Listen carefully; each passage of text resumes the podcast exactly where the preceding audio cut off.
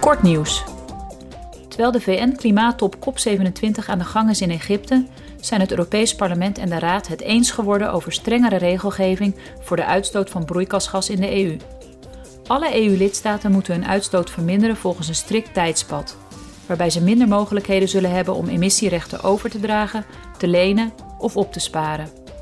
Bovendien zal de Commissie informatie over nationale maatregelen beschikbaar maken voor het publiek om meer controle uit te kunnen oefenen op de lidstaten. Deze week vond in Brussel de uitreiking van de prijs van de Europese burger plaats.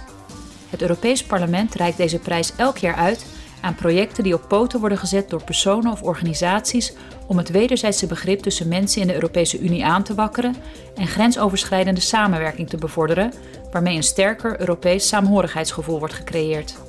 Dit jaar waren er 300 inzendingen, waaruit 30 winnende projecten zijn geselecteerd. Tita Garanzova, ondervoorzitter van het parlement en tevens voorzitter van de jury, gaf het startschot voor de prijsuitreiking en wel met de volgende woorden. Even in these days, difficult days that we are living in, in Europe.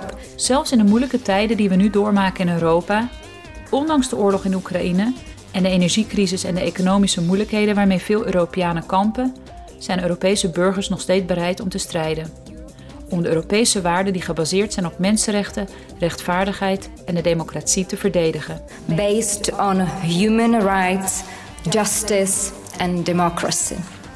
Een speciale vermelding was er voor Promote Ukraine, een Brusselse organisatie die maatschappelijke belangen behartigt en tevens als mediahub fungeert.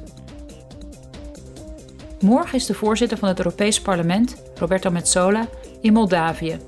In Chisinau ontmoet zij de president van Moldavië, Maya Sandu, en neemt ze deel aan een persconferentie. Metsola zal tevens een toespraak houden tijdens een speciale plenaire vergadering van het Moldavische parlement.